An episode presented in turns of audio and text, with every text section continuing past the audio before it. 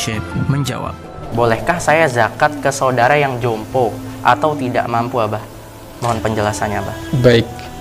Saudara yang tidak mampu, saudara ini adalah saudara jauh, jauh atau ke saudara terdekat. Ya. Kalau engkau posisi adalah seorang kakak, yang ternyata yang jompo yang susah ini adalah adikmu, kakak gendong adik, maka adik itu adalah kewajiban nafkah kakak.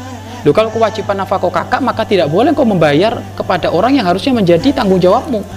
Tetapi kalau ini adalah saudara jauh, paman, ponakan, ya kan sepupu ataukah seperti apa atau saudara filah saudara karena Allah maka nggak masalah. Intinya tidak boleh bayar zakat kepada orang yang menjadi tanggung jawab kita.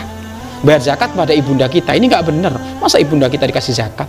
Zakat itu kan ausahin nas zakat itu sebab apa ya? Ausahin nas itu hal-hal yang kotor dari hartanya manusia. Kalau kalau kalau zakat mal kalau zakat fitrah itu adalah hal-hal kesalahan yang dilakukan di bulan Ramadan. Dikeluarkan zakat fitrah. Masa ibunda kita dikasih zakat fitrah kayak gitu? Enggak. Kekayaanmu kan kekayaan ibundamu kekayaan orang tuamu. Maka yang dimaksud saudara ini saudara mana? Saudara yang menjadi tanggung jawab nafkah kita ataukah bukan? Kalau ternyata saudara jauh iya kan? Saudara saudara jauh ibarat kakaknya nenek adiknya nenek. Ya ini ini bukan kewajiban kita. Kan gitu kan. Maka kalau seperti itu maka ya anda boleh memberikan kepada beliau.